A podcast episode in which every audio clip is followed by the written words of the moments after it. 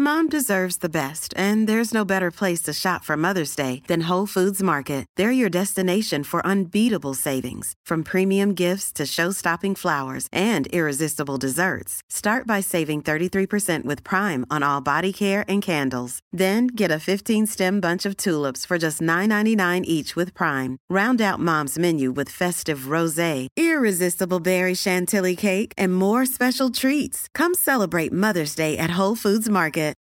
Since 2013, Bombas has donated over 100 million socks, underwear, and t-shirts to those facing homelessness. If we counted those on air, this ad would last over 1,157 days. But if we counted the time it takes to make a donation possible, it would take just a few clicks. Because every time you make a purchase, Bombas donates an item to someone who needs it. Go to bombas.com slash ACAST and use code ACAST for 20% off your first purchase. That's bombas.com slash ACAST, code ACAST. There's never been a faster or easier way to start your weight loss journey than with PlushCare. PlushCare accepts most insurance plans and gives you online access to board-certified physicians who can prescribe FDA-approved weight loss medications like Wigovi and Zepbound for those who qualify. Take charge of your health and speak with a board-certified physician about a weight loss plan that's right for you. Get started today at plushcare.com slash weight loss. That's plushcare.com slash weight loss. plushcare.com slash weight loss.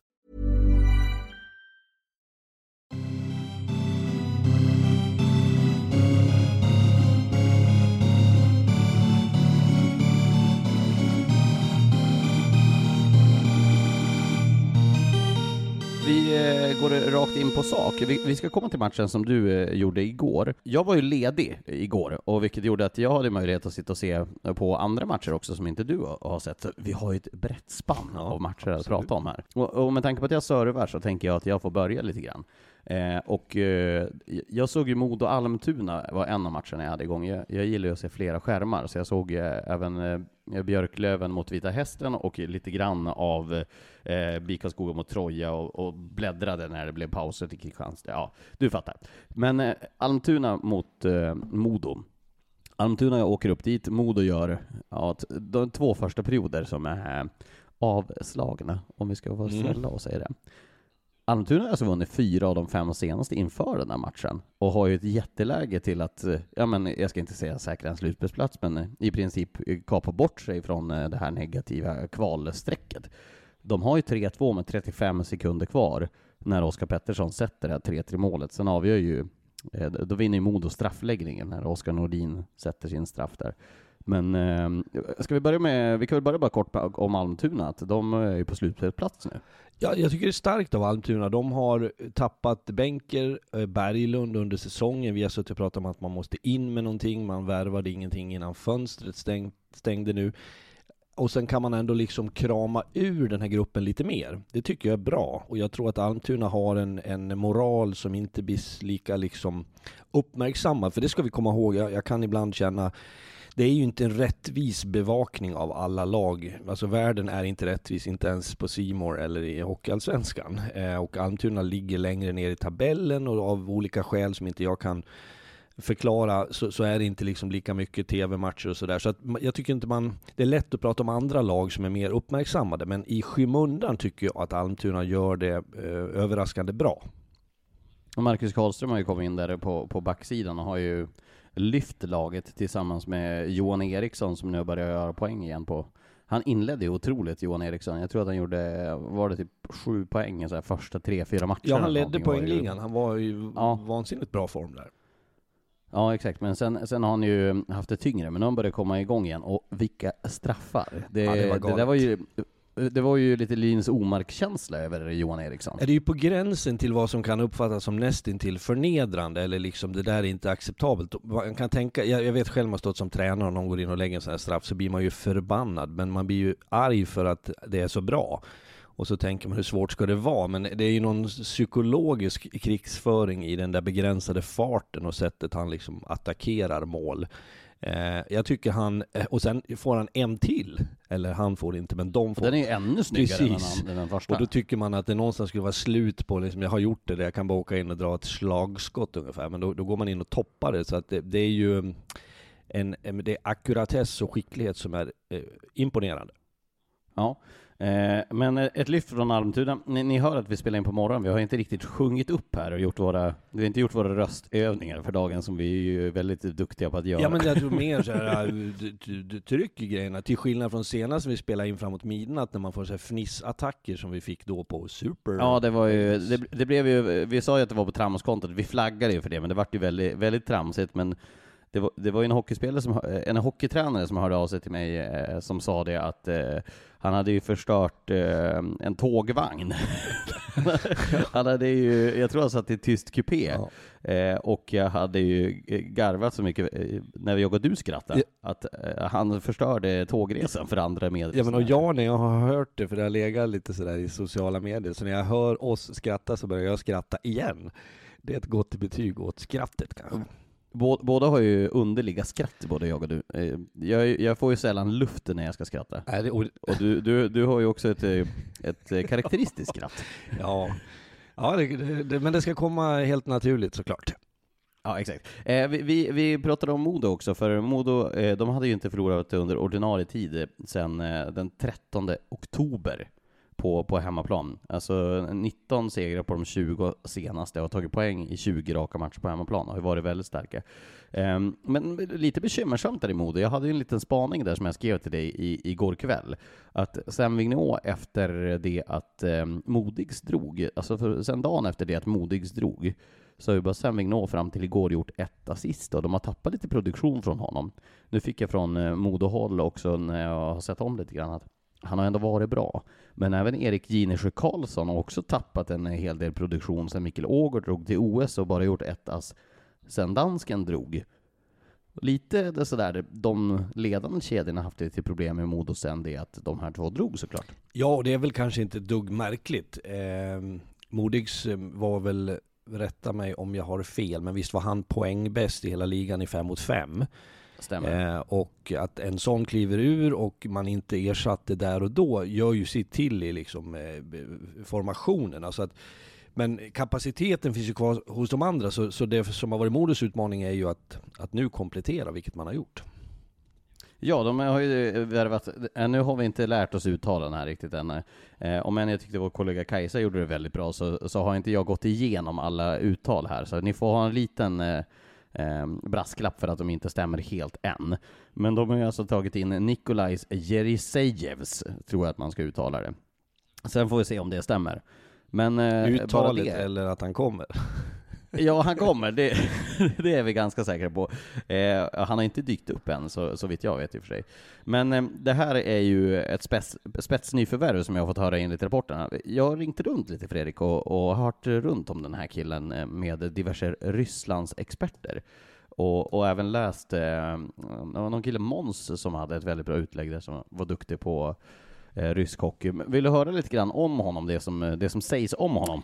Kör på!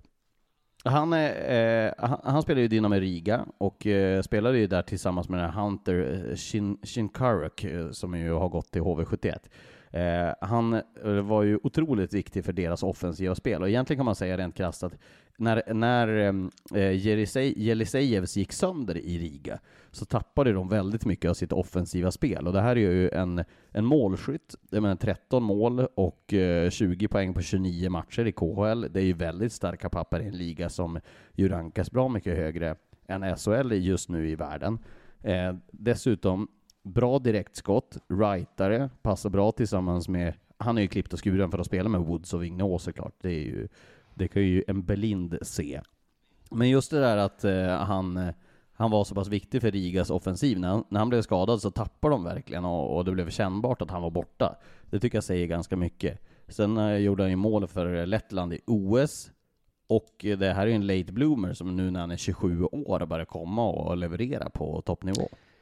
Ja, alltså jag tycker också att det låter bra utifrån vad de som jag, eh, eller det man hör. För, för, så här, jag ska också vara glädjedödande direkt. Det är lika bra jag rycker det plåstret och säger att det är väldigt sällan, långt ifrån alltid, som eh, nyförvärv den här tiden på året blir liksom hand i hand skulle bli perfekt. Sen kan det se bra ut. och Jag förstår att det lockar folk att liksom spekulera nu och man gör bedömningar och så. Eh, jag, jag, vill se lite av dem, jag vill se, för det, det, är så här, skickligheten, jag är helt övertygad om att den finns där och i flera av de här som man nu har trillat in i Hockeyallsvenskan. Men det ska också anpassas till ett spelsätt, till ett socialt sätt att leva på. Eh, rent generellt så är min erfarenhet att, att spelare från österifrån har varit svårare att akklimatisera till svensk hockey. Eh, och även till spel, det kanske kan vara mitt fel då i lag där jag har varit tränare, men man har fått jobba lite annorlunda och det där, de där kontrasterna kolliderar, eh, de här ytterligheterna ibland. Så att det som du pratar om, som du får källor på, är ju jättespännande och jag tror faktiskt också att just eh, Modos eh, Nikolajs där, eh, i förnamn, jag, jag håller mig dit, eh, ser bra ut och jag tror att det, det jag menar, han, han är ju bra nu nu så att säga, bra under OS också så att eh, det är spännande namn. Eh, och, och, det är väl ingen tvivel från dig heller att han ska spela med numera poängligeledande eh, Woods och eh, Vigneault? Absolut, och det är ju det är ju en sån spelare som behöver ha den positionen. Så där har du också liksom, de, de, där är det inte ett blankt papper, vad kan vi göra med den här? Utan man, man, han är hyfsat välscoutad, man vet var han ska in någonstans. Och då är det bara att man ska hitta den kemin naturligtvis, dem emellan. Och det blir ju spännande att se ganska omgående tycker jag, så fort han ansluter och är i spel. Och det, det här leder ju oss in till eh, ditt arbete under onsdagskvällen. Du och såg eh, Södertälje mot HV71 och, jag var ju inte på plats, så du, du får ju berätta lite grann för eh, lyssnarna ja. vad du såg där. Jag ska inte bli alltför långrandig. Jag tycker att det, i slutändan, om jag börjar med det, så kokas det ner till att det är serieledarna som fullständigt pulveriserar eh, lag nummer 30 19 eh, med en 7-3 seger. Men det bör tilläggas att jag var, om jag börjar med Södertälje, så var jag positivt överraskad över den frenesi man hade inledningsvis, första 40 minuterna åtminstone. Jag tyckte man spelade mycket mer aggressivt och fysiskt när tillfälle gavs. Det fanns en eh, större passion tycker jag i deras uppträdande än senast vi gjorde dem. Och det har ju hänt saker. Spelare har kommit, spelare har gått, man har gjort nytt på tränarpositionerna. Och det var uppenbart att det liksom hade gett en effekt tyckte jag igår. Man spelar också mycket mer tillknäppt, mycket mer samlat. Det som vi pratade om en hel del under hösten, att Södertälje var lite naiva i sitt sätt. Man var försökte spela en, en liksom högintensiv hockey över hela banan, vilket man inte hade manskap till. Det tycker jag att man har gått ifrån nu och det får jag också bekräftat när jag pratar med Pelle Holmberg, nya tränaren i Södertälje. Så att eh, mer förstånd, mer ligga på rätt sida, mer samlat. Ett HV71 som första halvan av matchen skulle jag säga tycker jag var lite sådär som det kan bli när serieledarna åker och möter lag 13. Man är lite, någonstans vilar en insikt om att det här kommer att lösa sig, vilket får till följd att man är lite slarvigare i det mesta, man har lite man är lite sämre i flytta puck, det blir inte det här på instinkt riktigt. Sen står det ju 2-2 och sen är det Anderberg som drar på sig en tvåa, han bjäbbar lite grann, får ytterligare en tvåa på den fyra minuten så kommer 2-3, 2-4 i powerplay och på något sätt så tyckte jag luften gick ur Södertälje. Eh, jag såg ett HV71 där man plötsligt liksom eh, sken som solar i båset igen eh, och då bara öste man på. Så att det är summeringen. Eh, Södertälje tycker jag gör det bättre. HV71 understryker det faktum att man leder serien. Eh, och här finns det ju no några grejer som vi måste ta upp. Det, det, det första är ju, vi, vi ska prata om HVs värvningar så, eh, såklart, men eh, sju raka trepoängare, och du såg ju också matchen mot eh, Karlskoga i lördags, eh, där det var etta mot trean och ett Karlskoga som ju har varit otroligt bra på slutet.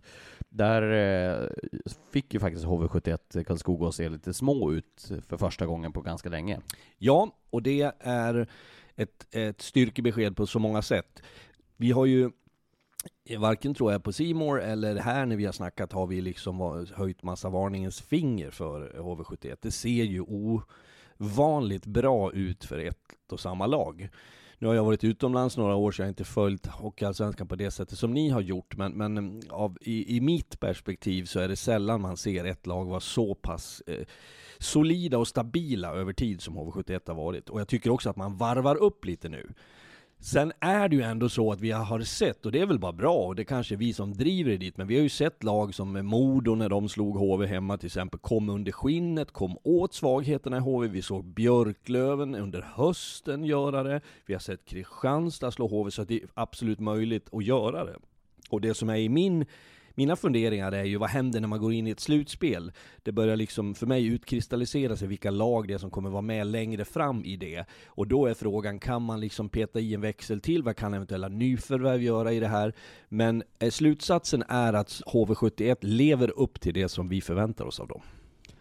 Och dessutom, eh, jag menar Tommy Samuelsson och eh, Stillman måste ju känna sig som eh, alltså kursledare för Dala ishockeyläger på, på träningarna snart. Jag menar, det är ju, vad är de, 16-17 forwards och 10-12 backar eller någonting om de ska ha med alla. Det börjar ju snart vara Ja men som att eh, driva en förskola i Jönköping i Husqvarnagatan. Det blir så här på sommarhockeyskolan, man har fyra burar på träningarna, fyra stationer, man kan se Tyler Wessel och Mattsson där stå liksom och åka runt en pilon. Nej då, jag, jag, tror, jag tror precis att det, vi hade ett bra snack med för övrigt eh, är ju de alltid tillgängliga, HVs tränartrojka.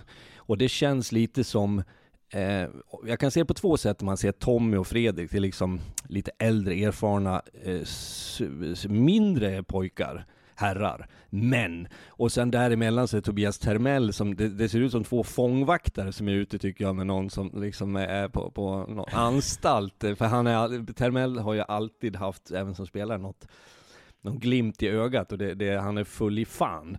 Men när vi pratade med dem före matchen mot Södertälje så, så, är ju de själva inne på det faktum att det kommer in folk, det har de varit förberedda på hela säsongen, det ökar trycket i gruppen, du har spelare som just nu kanske ligger och wobblar lite grann, hur mycket ska jag spela, får jag vara i PP, ska jag vara i en andra, en tredje, som nu får eld i baken. Eh, hanterar man det rätt så kommer det öka trycket på träningarna, det kommer göra HV71 bättre. Men det förutsätter också att, att liksom saker och ting faller på sin plats. Så att jag säger inte att det är friktionsfritt i HV, för det är det inte någonstans. Det är en trupp, liksom, det, det pågår saker hela tiden. Eh, Miles Powell har ju kommit in 11 eh, poäng på sju matcher och, och fått igång powerplay egentligen, ja. och även fått igång Fredrik Forsberg där. Um, nu spelar de igår, då spelade ju Törnegren med, med, med um, ursäkta mig, med uh, Powell och Fredrik Forsberg. Det känns väl som en plats som är ganska gjuten för Tyler Keller. Och där ska jag bara tillägga en grej. Vi hade ju en sån här um, intervju med Fredrik Forsberg före, jag vet inte vad det heter när man, uh, det kan ju du på tv-språk liksom själva den där, var det profil kanske? Ja, matchen profil. Ja, och då, en, en synk. En synk Ja, jag, jag fortfarande ligger efter i tv-språket. Men eh, då, eh, hur som helst så sa Fredrik Forsberg att eh, det var kul att spela med eh, Davidsson. Och så skulle vi liksom summera upp det där när vi kom till, landade i studion. Så då sa jag någonting om det och sen eh, spelade han ju inte alls med Davidsson.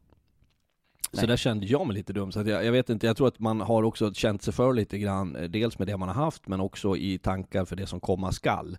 Eh, så jobbar man som tränare, man har liksom alternativa lösningar. Vi säger att den här ska in där, vad skulle ske där? Så att jag tror att de, där har de en, en ganska intressant utmaning just nu i eh, HV71, att fundera hur placerar vi de här nya filurerna som kommer in? Hur hade du placerat dem då? För det tror jag väldigt många är intresserade av. Om vi börjar med eh, Taylor Keller, vi ska prata mer om honom alldeles strax, eller vi kan väl ta det nu. Han, det känns ju som en Eh, väldigt, väldigt, väldigt intressant värvning i Hockeyallsvenskan. Jag menar, det här är en kille som var etta och trea i Oskarshamns poängliga i fjol och i förfjol. Och, och, har ju ändå på något sätt charmat SHL med sin speed, med sitt eh, eh målkreativitet och poängskapande. Och få in honom tillsammans. Jag, jag, tror att han ska spela med Powell och Forsberg. Det tror jag inte är någon dum idé alls. Jag, jag, om jag ska vara försiktig med att liksom sätta namn, jag kan, jag kan beskriva det så här. För det första ska jag säga att Tyler Kelleher var jag var ju i Schweiz förra säsongen och jobbade och där var hans namn stort. Han har varit duktig i Tyskland förut och man hade väl upptäckt honom i Tyskland och sett att wow, han är bra. Han hamnar i Sverige och sen när han inte fick fullt så mycket förtroende i Oskarshamn, trots det gjorde han det bra. Eh, så, och så var det liksom positionen, att han, han längre ner i ett SHL-lag.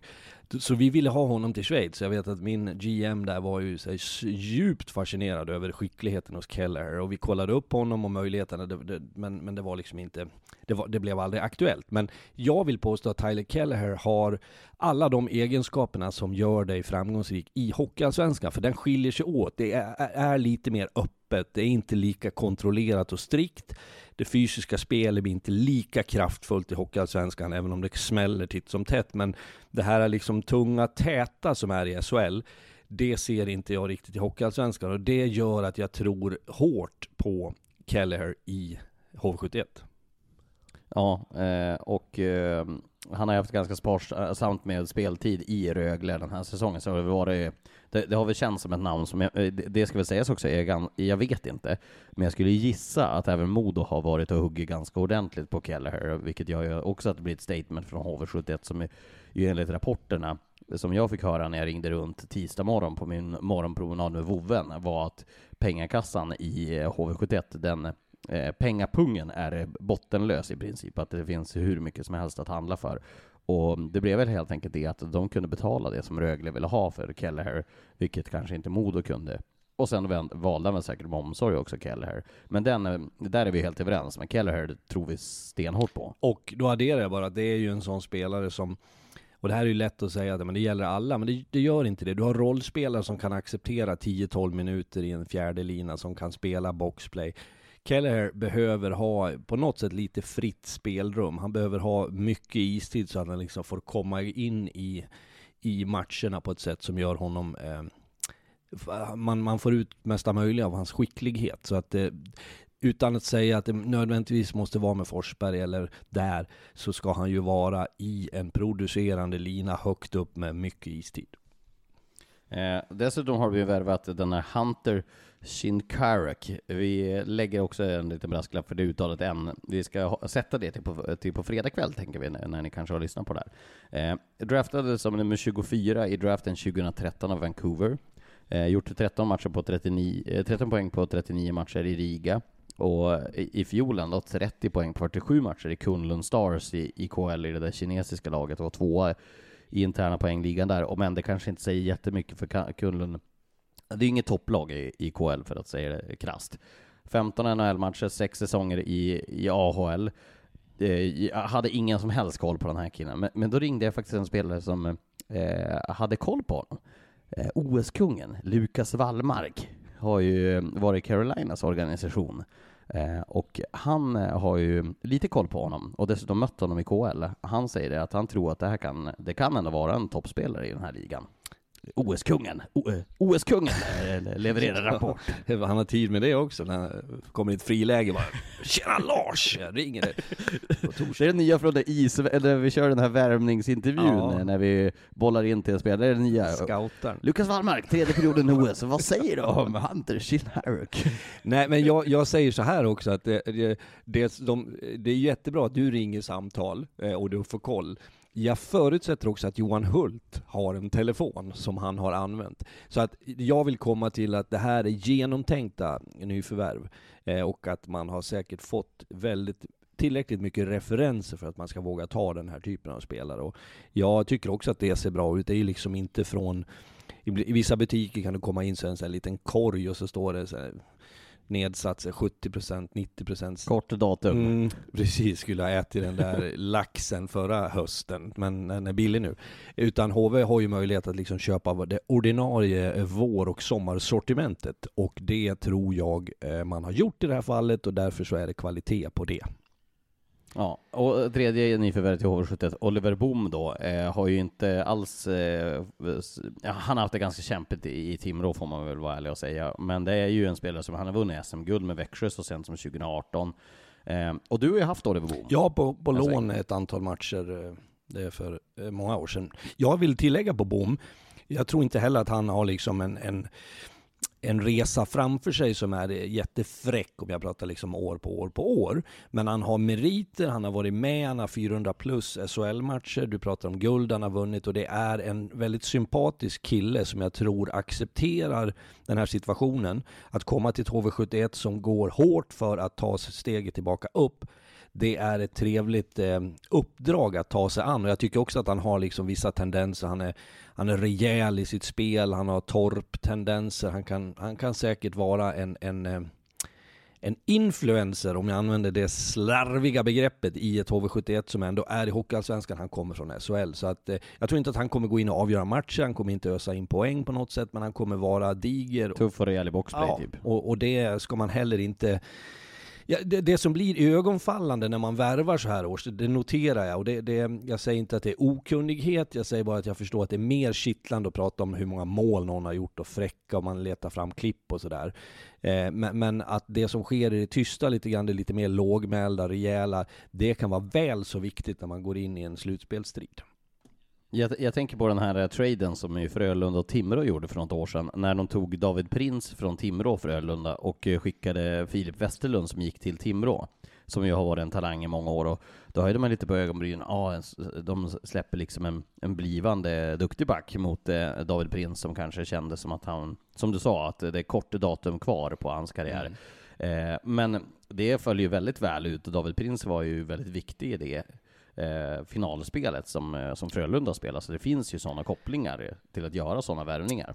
Verkligen, och det som är det där pusslet med att bygga ett lag, hur man liksom sätter samman och när man då upptäcker under en säsong, för, för sköter man sitt jobb. Att vara sportchef är inte att jobba hårt under vår och sommar och sen bara lutar man sig tillbaks. Utan hockeyn har ju gått till en tendens att det där är konstant i rörelse hur truppen ser ut. Och kan du då trada eller du säljer någon och köper något nytt så, så är det ju sällan du, du det är inte, liksom inte alltid du, du säljer en sak så ska du köpa något lik, liknande fast lite bättre utan ibland möblerar du ju om i truppen.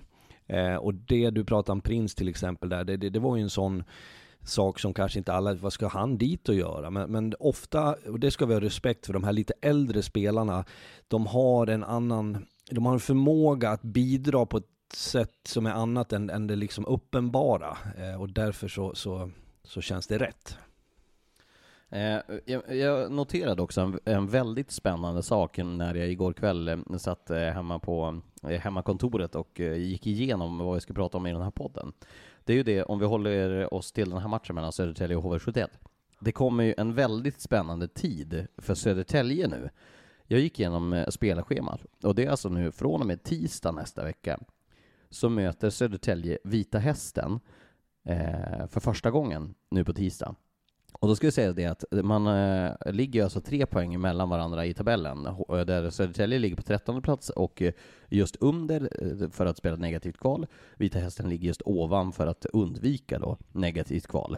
De har inte mötts än och möts nu tre matcher i rad. Tisdag, fredag, söndag.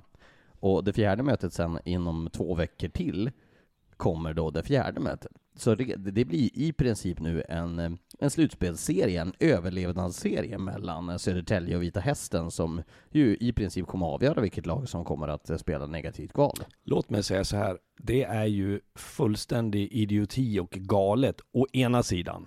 Det är ju inte så det ska vara, det här har vi ju pratat om flera gånger och det, det tåls att sägas igen. Och det kommer att rättas till till nästa Absolut, säsong. och det, det, är väl så bra. Men som det ser ut nu, det är galet. Å andra sidan så är det ju en kittlande serie som plötsligt eh, blir väldigt intressant att följa. Um, och vad, vad den faktiskt gör. Och det är som du säger på det blir ju, man pratar ibland om sexpoängsmatcher och vi har ju kvar att möta, som normalt år med ett upplägg som är, det vi är mer vana vid så tänker man sådär, vi har ju dem där med fyra matcher kvar, den kan bli viktig. Nu möts man fyra gånger det, det, kommer ju vända upp och ner på hela den situationen. Så att eh, snacka om eh, att det är det man går in för och de signalerna fick ju jag från Södertälje-lägret igår också. Att de, de är inte dummare än att de har räknat ut att det kommer att ha betydelse. Nej, och, och, det kommer ju, ja men jag skulle vilja vara så krass och säga att de här fyra matcherna mellan Södertälje och Vita Hästen, de avgör vilka som möter Troja i det negativa kvalet, för där räknar jag in Troja.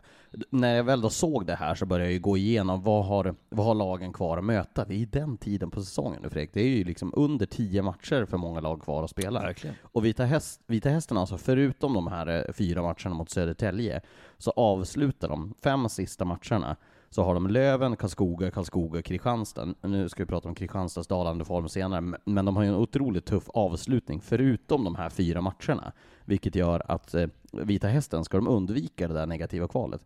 Nu förstår jag varför de inte släppte Marenis och, kompani, för det hade ju varit ja, väldigt ödesdigert känns det ju som. Jag hade ett samtal med Tony Sabel eh, under resan ner till Stockholm igår. Och ehm, alltså jag vet att han uppfattar det nu som att man har slitit hårt på sina gubbar. Man har haft lite så, ja men under säsongsskador, sjukdomar, man har inte den bredaste truppen, man har fått jobbat kopiöst hårt för att eh, liksom prestera och vara med i racet. Så att de behövde folk in, kropp och knopp. Alltså nu har man plockat två och man behöver, man behöver fylla på för att kunna ge sig själva en möjlighet. För det kommer vara ett väldigt race det här. Eh, ja, de har ju till och med fått spela Jesper Samuelsson som back under långa stunder, Vita Hästen.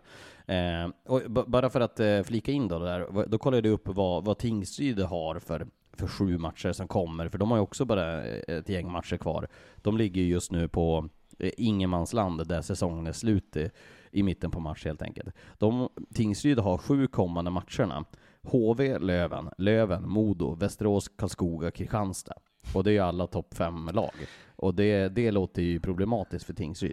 Det är en extrem utmaning. Sen ska jag säga, Tingsryd upplever jag ändå som det, det, det, blåser inte så mycket, det är inte stormande, det är inte så kaotiskt och det, det, kan vara en viktig del att bära med sig när man ska in och spela den där typen av matcher. Men jag medger ju att det jag ser på papper är ohyggligt tufft. Och Troja har kvar två matcher eh, kvar att spela den här grundserien som inte är mot lag topp 7, vilket också är lite prekärt läge i Troja. Eh, så tufft läge och i princip en helt match, avgörande matchserie som kommer nu då mellan Södertälje och Vita Hästen kommande. Så det, det spär på nervositeten i Norrköping och eh, Södertälje. De tycker inte jättemycket om varandra heller, de, då, de där två lagen. Nej, det är ju lagomt avstånd för att åka och mucka med varandra också på något sätt. Det, det, så att eh, Ja, jag, jag ska med stort intresse följa det där. Jag tycker att det, det är väl egentligen bara om jag ska vara hård Troja som jag tycker har, eh, inte har hittat eh, eh, hittat upp på en tillräckligt hög nivå. Eh, men eh, jag ska inte uttala mig än. Det ska spelas om det, men eh, jag, jag, jag vidhåller och håller med dig. Eh, Södertälje, Vita Hästen kommer vara nyckelmatcher utan tvekan.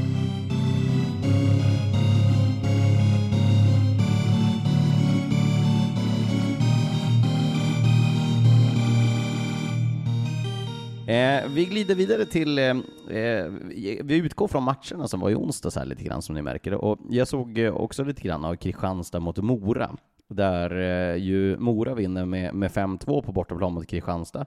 Eh, och jag tänkte vi tar det första, det är ju det att eh, Kristianstad nu börjar det skaka i väggarna där nere. Jag har ju försökt sälja in det här att nu kommer raset här hela säsongen. Du har försökt sitta lugn i båten som Robert Gustafsson i snart nappar det och känna det att ah, sitt där och oroa du Lars, men jag ser ingenting som brinner. Jag förstår ju din, eh, vad du vill komma nu är det över, nu är det förbi. De åker ur, de rasar kapitalt. Nej då, jag tror inte att det är det du är ute efter, men att det skulle liksom vara slut. Eh, jag ser också tendenser. Jag tycker inte att man är lika eh, man är inte lika heta, man är inte lika inspirerad av någonting. Eh, men eh, glöm för all del inte att man har en av ligans bästa målvakter, Fredrik, Fredrik Dickov, som har varit borta med det danska landslaget på OS, som har haft stort eh, inflytande över Kristianstads prestationer. Eh, det, det, det, får vi inte glömma.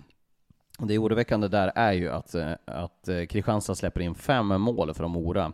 Ett Mora utan Daniel Ljunggren, ska vi säga. Han är skadad. Eh, Isak Rosén också skadad, som kom in och var bra, så att Mora är brandskattade.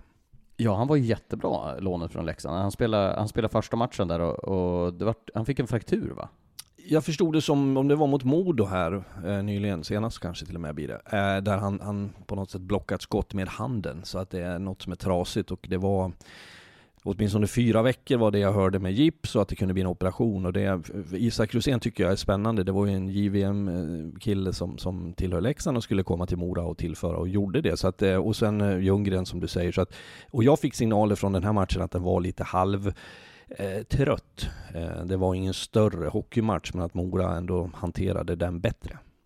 Ja, men att Mora gör fem mål på 15 skott, eh, det, det, är ju klara siffror. Det är ju alltså var tredje skott som går in i mål. Olof Lindbom som ju har stått allting sen Dickov eh, drog iväg, han har också gjort en väldigt bra säsong. Nu hade han väl en tyngre kväll den här kvällen. Men på de sju senaste matcherna sen Dickov drog på OS så har eh, Kristianstad tagit noll poäng i sex av dem. Det låter lite alarmerande tycker jag. Sen upplevde jag det som slarvigt i Kristianstad. Det, jag upplevde det som att man, man, de bjöd på väldigt mycket öppna lägen samtidigt som den här frenesin som vi har skärmats av under hela säsongen den såg vi inte mycket av. Och du var ju också där i fredags på studiebesök där du och Harald var och, ja ni hade ju en hel dag i Kristianstad, då vet jag att ni tränare eh, har en fäbless för att gå och se värmningar, vilket är, det går över mitt förstånd hur man vill se hockeyträningar på vackert. ledig tid ibland.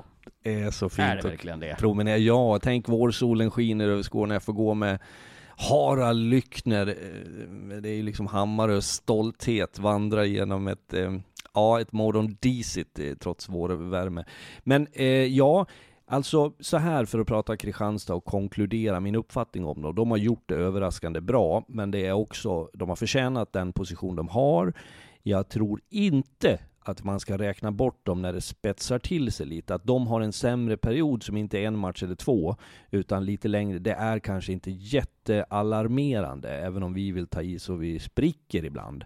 Jag tänker så här att det som har blivit vardag även för dem kommer att vara mer inspirerande när det väl är dags för ett slutspel. Så att eh, de behöver få ordning på vissa saker och ting, absolut. De behöver omformatera sig lite grann. Eh, Krupic försvann. Eh, man behöver få fortsatt liksom, tryck på deras importer. Och man behöver få tillbaka Dickov. Även om, om Lindbom tycker jag är en duktig målvakt så tror jag att de är bättre när de har varandra att tävla med.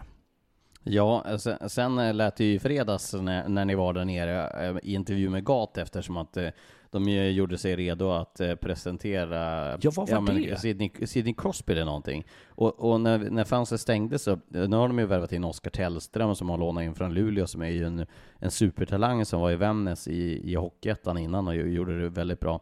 Och Måns Hansson som eh, var i Kristianstad tidigare som sen har varit, he- heter det Cell AMC? Säger man Cell Ja. AMC i Österrök? Han var på skidresa skidresa, en långvarig sådan. Han var ju på en, det var en lång afterski. Sen har han ju faktiskt varit utanför laget i Troja. Så det är inte liksom, det har ju inte smullit några nå jättebomber i presentation av nyförvärv i Kristianstad. Det kan man ju lugnt sagt säga. Jag tror inte heller att Kristianstad har kanske de största ekonomiska musklerna och även om man nu har eh, gjort en fin säsong så finns det kanske mer eh, plats, alltså klubbar som, som attraherar lite lättare eh, kring nyförvärven. Men Gat sa också innan den matchen när vi hade en stund tillsammans med tränaren när man sitter och surrar lite att, att han hade fått ett nej, ett sent nej. Det här var väl dagen innan, eh, dagarna innan så att säga, eh, fönstret stängde. Eh, det var på fredag. Från Leon Dreisaitl. Ja, det är möjligt att eh, Dryan där ville, nej, det blir inget den här gången. Nej, men, men att, att man hade någonting som kändes väldigt rätt för dem. Så det kan ju ha varit svårt att hitta någonting och man kanske heller inte vill chansa och det ska man ju ha respekt för att de här klubbarna som, som har lite mindre av resurser behöver också förvalta det. För det här, det blir ju också en hysteri som, som är säkert underhållande att följa men som, som jag inte tror är helt hälsosam egentligen. Det är lite Black Friday över det. Folk går liksom bananas om man ska handla och köpa. Eh, och dels använder man pengar som man kanske inte riktigt har, eller pengar som man borde lägga på framtiden. Eh, men också att det är en marknad som gör att det man tar är ju inte givna eh, tillgångar. Så att Kristianstad kanske litar på sin karaktär i gruppen, sen sin moral och det de har. Eh, och jag tror inte att man ska säga att de kommer vara några strykpojkar i ett slutspel. Absolut inte. Alla, får, alla lag har ju en dipp dessutom. Jag menar det är ju onaturligt att spela 52 omgångar och, och inte ha en dipp, vilket Kristianstad ändå... De hade väl en dipp i och för sig i december där någonstans, men förutom det har de ju varit ganska skonade från att såna, ha såna här dippar och det är väl bra att ha den nu för att kanske träna extra hårt eller någonting eh, och komma till ett slutspel eh, taggade till tänderna. För de har ju visat att de kan slå alla topplagen. Även om de har, det är några av eh, lagen, topp 6, som de har haft lite bekymmer med. Jo men det, det är väl också naturligt, men ja, du, du är ju inne på det där och det man preppar för då ett slutspel, den, där blir det också lite annorlunda och det jag såg som är till Kristianstads fördel tyckte jag mot HV71, det var en väldigt tät match. HV71 hanterar den som serieledare tycker jag med att liksom hantera 60 minuter bra, man stod emot, man gick inte i fällan. Sen är det minsta möjliga marginal man vinner med och det jag tycker att Kristianstad hade där var den här attityden. De, de hade hög intensitet i sitt spel, de, de, de, det, det är liksom tryck i grejerna och de här som vi har pratat om förut, Malte Sjögren, Herman Hansson, den, nu gick Herman Hansson av med en skada där, men jag tycker att de de har den här förmågan att köra. Och den såg jag där så att även om de inte har vunnit så mycket matcher så har de inte lagt sig platt på något sätt. Utan de behöver hitta tillbaks till, till att plocka poäng och vinna för det, det behöver man också bära med sig. Men eh, det råder inga tvivel, de har kapacitet att göra det bra. Och Mora har ju också förlängt med Måns Karlsson där, eh, viktiga forwarden som fick spela center i den här matchen under stunder med, med tanke på Daniel Ljunggrens frånvaro. Eh, och de sålde inte Lukas Wernbloom, det gick inte på mitt tips, så det var Nej. kanske tur det för min allmänna välkomnad i Mora. Du såg ju vad som hände när de väl möttes där. Var väl han i, i Mora så var han ju eh, framgångsrik och öste in poäng, så jag tror inte de släpper han. Men Mora tycker jag också är en av, ett av de här lagen, vi, jag tror vi nämnt det förut, AIK och Mora som, som kommer smygande lite grann och har en, en, en gryende form. Eh, och som har eh, varit konsekventa tycker jag i sitt sätt då, både Blomqvist i AIK och Hedberg med sina kollegor i respektive lag har liksom matat, nött, tränat, tjatat och jag tror att det kommer att betala sig så att eh, det är alltid olustigt och speciellt med det upplägget som är när man väljer motstånd som det kommer att bli i slutspelet. Så, så, så bara kraften du sänder till dina motståndare genom att välja ett lag kommer vara stor inspiration för de här lagen att, att gå in med. Så att jag tycker att de är spännande att följa upp lite när det går mot ett, ett, eh, ett slutspel. Mora AIK är ju faktiskt bara inom situationstecken 6 och 7 poäng efter Kristianstad som ligger femma. Västerås är däremellan, men de har ju spelat fem, eh, fyra och fem matcher mindre än både Mora och, eh, eller framförallt Mora, så de men, men det är tajt där. Det är tre poäng mellan Västerås och Mora. Det, är, eh, liksom det här strecket som vi kände att topp 6 var klart, det skulle jag definitivt säga att det inte är nu. Eh, och då har det med andra ord aldrig varit det. Men det är ju, nu är det ju en streckstrid där om vilka som kan undvika åttondelsfinalen. Jag menar för Västerås del vore det ju en jättemissräkning om de skulle vara tvungna att spela en åttondelsfinal i år. Verkligen. Sen, sen tror jag, det här vet jag också av erfarenhet som tränare, att när man går in i det där får du spela en sån här åttondel eh, och går bra där så är, flyger du in i en kvartsfinal. Eh, och så kan man hålla på och vrida, ja, men det är bättre att vila några dagar och kunna ta lite ledigt och så ska man vara redo i en kvart. Det- Du kan se det, och det kommer lagen att göra, man ser det utifrån vad som är mest passande för just mitt lag. Men jag säger det igen, de lagen som tar sig vidare från då, vad blir det, plats 7, 8, 9, 10 in i en kvartsfinal kommer ju bära med sig en känsla av att nu är vi på gång, nu jävlar har vi liksom slagit oss in här och det, den, den, man ska inte underskatta den faktorn. Eh, vi, vi kommer till Västerås ska vi prata om snart, men jag vill, jag vill prata om eh, Karlskoga först. De, de slog i Troja i onsdags de, med, med 4-2. Gjorde det utan Henrik Björklund. Det var alltså, det är ganska tunga skador som har varit den här veckan. Karlskoga utan Björklund, Mora utan da, da, Daniel Ljunggren, ett eh, Västerås utan Mikael Frycklund, så det har varit ganska tunga spelare som har varit borta i många av de här eh, topp 6-lagen. Man har gått till attack på eh, poängliga-ledarna. Det är någonting som sker. Eh, Det är någon där bakom som har någon, eh, någon, någon räv med i spelet här kanske. Jag hade ju tippat Daniel Ljunggren som, som poängligaledare, så det känns ju det känns dåligt för mitt tips att han inte spelar nu. Ja, då halkar du efter. Jag vet inte vad Ja, jag, har som vanligt, det, Ja. det är mitt liv. Halka efter. Men Karlskoga alltså utan Henrik Björklund. Jag räknar ut det från den första december har Karlskoga tagit 46 av 60 poäng. Du sa ju för en vecka sedan att eh, hade det varit match nu om vem som skulle gå upp så trodde du att Karlskoga skulle gå upp. Och det Ja, sa men- du före podden, men det var innan matchen mot HV ska vi säga. Men, Det- men eh, Karlskoga är ruggigt starka nu. Verkligen, och det har de varit över tid. Sen är det det där, när du får de där eh, svårare proven som det är att åka till Jönköping och möta HV, där räckte man inte till. Eh, av det jag såg där så tyckte jag eh, att HV71 var ju bra. Sen tycker jag inte att, att, att BIK riktigt kom upp. Man tog en del utvisningar som, som man varit hårt eh, liksom drabbade av. Eh, så att eh, Karlskoga kan bättre än sådär, eh, det tycker jag. Men de behöver ha alla sina med och sen eh, när man nu har petat in Roy, var det så han? Mm. Eh, fransk? Marc-André Roy från Kanada. Mm. Eh, Henrik Björklund, det lät inte som någon, någon, någon större fara. Det, han, skulle, han hade undersökt, så det lät som att han kommer spela inom, inom närtid, och det var ju väldigt viktigt besked för, för Karlskoga. Han ska göra någon ytterligare undersökning, men det lät inte som att det är någon fara för säsongen i alla fall. Eh, ska ju säga det att eh,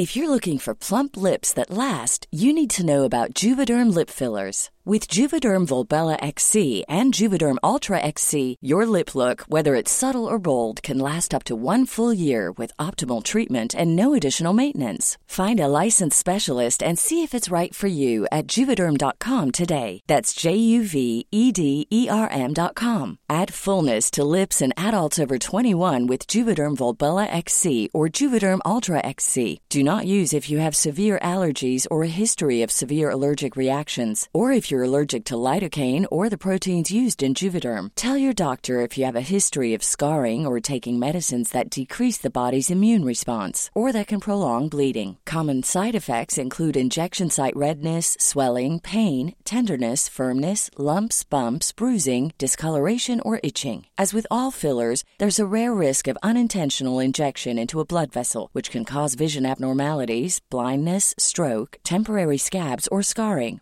For full important safety information, visit juvederm.com. Hi, I'm Daniel, founder of Pretty Litter. Did you know cats tend to hide symptoms of sickness and pain? I learned this the hard way after losing my cat, Gingy. So I created Pretty Litter, a health monitoring litter that helps detect early signs of illness by changing colors, saving you money and potentially your cat's life. Pretty Litter is veterinarian developed, and it's the easiest way to keep tabs on your fur baby's health right at home. Go to prettylitter.com and use code ACAST for 20% off your first order and a free cat toy. Terms and conditions apply. See site for details. Mom deserves the best, and there's no better place to shop for Mother's Day than Whole Foods Market. They're your destination for unbeatable savings, from premium gifts to show-stopping flowers and irresistible desserts. Start by saving 33% with Prime on all body care and candles. Then get a 15-stem bunch of tulips for just $9.99 each with Prime. Round out Mom's menu with festive rosé, irresistible berry chantilly cake, and more special treats. Come celebrate Mother's Day at Whole Foods Market.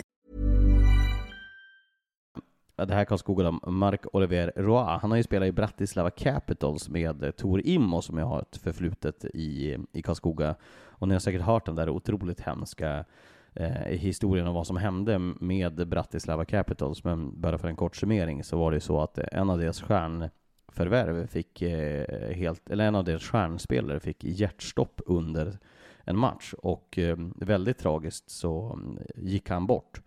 Det här eh, föranledde att eh, deras vicepresident beslutade att eh, ja, han, han tog sitt liv.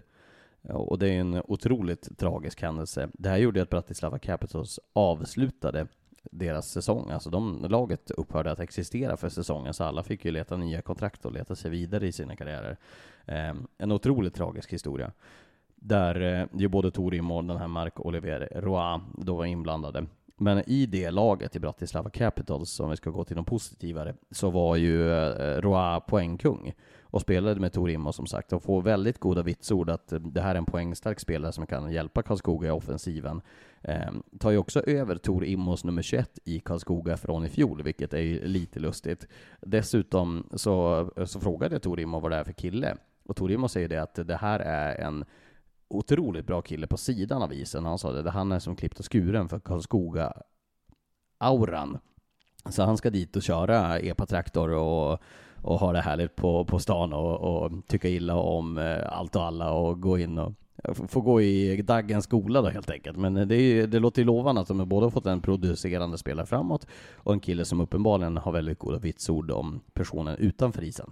Definitivt spännande och jag tror eh, att eh, Karlskoga Eh, alltså, den där extra gubben in som ändå har en, ett, ett bra liksom, record och eh, har något spännande. Det, det, blir intressant att se, men eh, om jag undviker det spekulativa så ser vi ju det återigen. Eh, vi pratar med Björklund, inte allvarligt skadad men borta. De är känsliga eh, naturligtvis på om toppspelare försvinner undan och när man går in sen i slutspelet när matcherna är så tätt på det ökade fysiska spelet så behöver man ha den här typen av spelare som, som och den här tror jag eh, sett på förhand. Jättespännande att se, vi ska se när han ansluter och vad han har att, att komma med. Det man, det man ska komma ihåg tycker jag också när vi pratar alla de här nyförvärven är det, det, är lite så här motsägelsefullt. Jag vet att man pratar om som tränare och sportchefer, man behöver hela säsongen, man kliver på is tidigt i augusti, man ska jobba in ett spel.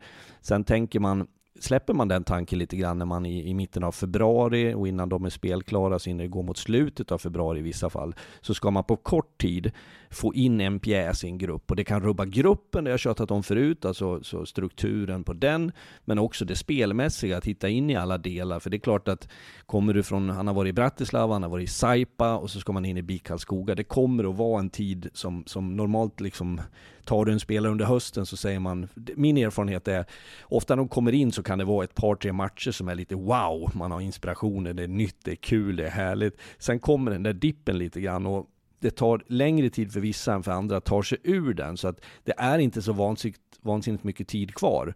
Det finns lag i, i ligan som har färre än tio grundseriematcher kvar. Några har ytterligare någon.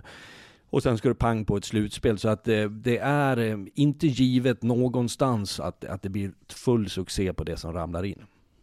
Eh, det var också i den matchen mellan Karlskoga och Troja så fick ju ehm, eh, Gustav Fransén en smäll, en ganska otäck smäll från eh, Daniel Trucken Karlsson i, i eh, Troja. Eh, han utgick och fick åka till sjukhus efter den här smällen, men eh, som jag förstått det så har eh, e-, efter några stygn i ansiktet så verkar han ha klarat sig och kanske till och med undvek en, en hjärnskakning från eh, den där ganska tuffa smällen. Den finns att se på Simors sociala medier om ni vill se den tacklingen. Men eh, det är ju också lovande, för Gustav Fransén har ju visat sig väldigt viktig och har ju dessutom börjat producera och jag tycker att han ser riktigt stark ut i den andra formationen i Karlskoga som blir av eh, väldigt stor vikt när vi går mot slutspel. Att inte bara Henrik Björklund, Lilja och Linkvist ska dra det där laget när det kommer in i, i slutspelet. Eh, Fransén har ju varit okej okay, och han har till och med varit bra, men där finns ju någonting mer. Det är ju en sån där spelare som, som man har pratat om under flera år, som har har en hög potential. Så att får han varva upp lite grann så, så för där har du nästa grej, jag, jag lägger till en massa saker, men jag, jag har min tränarhjärna går liksom på högvarv fast jag är tjänstledig från det uppdraget. Men för det är också så här, när slutspel kommer, kvalspel, vare sig det är uppåt eller neråt, så, så blir det ofta förändringar i alla lag. Det som har varit en, en liksom topp fem gubbar som i produktion och leverans, det, den, det rubbas ofta för det finns karaktärer som, som, eh, som blir bättre när mycket står på spel, när hockey, hockeyn förändras lite grann. Det, det är lite annat liksom struktur på hela spelet och det blir mer fysiskt, det blir mer känslor, pressen är högre, det är tätare matchande och det där, eh, det där är något som jag ser fram emot att se i, i vilka lag, vilka, vilka kommer att kliva fram, vilka kommer liksom passera några andra namn internt i lagen eh, av betydelse. Hela dina radiorörelser, du, gör, du, du, du, drar med fingret med, med en vissling som att det här är glasklar radio. Ja. Men ja, jag adderar vissling, jag gillade dina ljudeffekter i alla fall. Ja, men sen det har jag en tendens, alltså jag, det ser jag själv. Jag, jag, jag du har, har ju slagit sönder två studiebord och tio pennor under den här säsongen. Jag har ju det. När du gör med dina gester ska ja, du jag, hacka i bordet av någon anledning. Jag har ju svårt att jag vet ju om att jag gör det, att jag fäktas och uh, har mig med armarna. Sen har jag svårt att se mig själv, jag tillhör den kategorin människor, jag har svårt att se mig själv och höra mig själv. Men när man uh, är på TV så är det ju liksom massa skärmar runt omkring, så det är, ibland är det ofrånkomligt, men då ser jag hur, hur, jag, hur det viftas och du och Kajsa liksom får, får flytta er från mig för att jag inte ska klappa till er. Men det är ju, jag har inget ont uppsåt.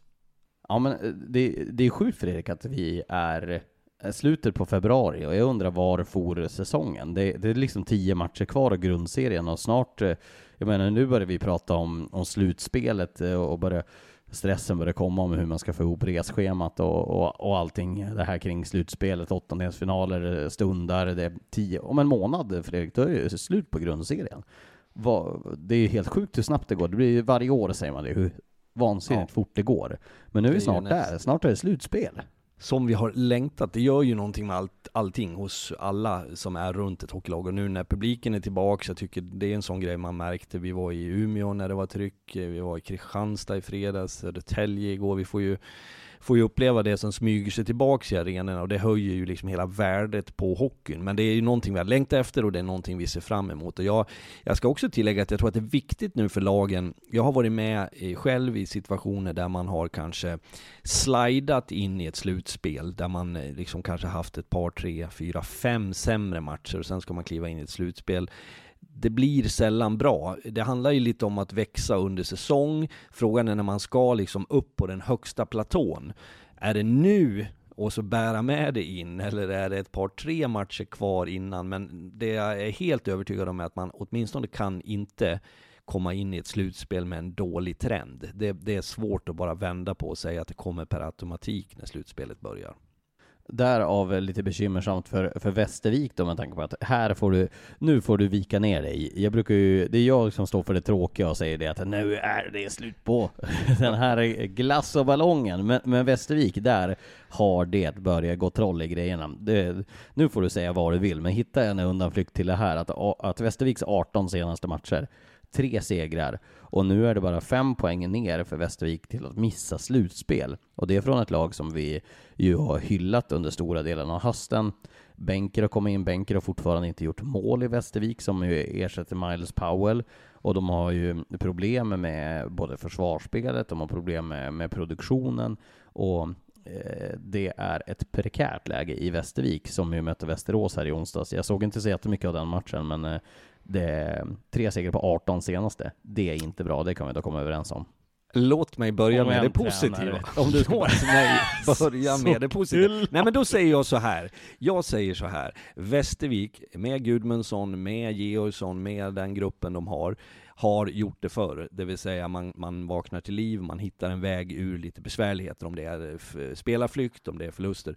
Så det, det, låt mig konstatera att det har hänt förut. Däremot bekräftar jag det du säger. Jag tycker också att Västerviksborna eh, skulle behöva sluta upp lite mer. Man har haft svaga publiksiffror. Man skulle behöva liksom ge en push till gruppen och sen har du spelare där som, som liksom behöver, dels deras nordamerikaner som vi har sett kan vara riktigt bra, de behöver tillbaka upp ett snäpp till. En sån som Viktor Öhman som jag tycker är en briljant hockeyspelare när han är på humör, han behöver upp, Hagelin, det finns gott om gossar där som, som har mer att komma med.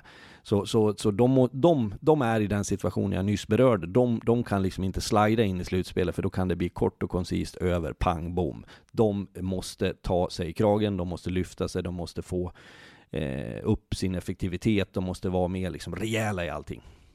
Om jag ska vara då den positiva, ta din roll här. Men eh, det är ju, Västervik har ju, jag vet inte hur många år i rad som de har eh, gjort just det. De har, eh, de har tagit sig, de har tagit den sista slutspelsplatsen flera år. Nu var de ju lite bättre till eh, i fjol, om inte jag minns helt fel, så blev de väl eh, topp 6. Men de eh, har ju en vana att göra just det. Sen gick de till semi i fjol och det finns ju eh, kapacitet för att eh, få ett bra slutspel också. Men jag har ju svårt att se att Västervik som spelar semifinal i den här säsongen. Det, det ska jag vara ärlig och säga att det tror jag blir väldigt, väldigt tufft. Jag går inte emot dig där. Nej.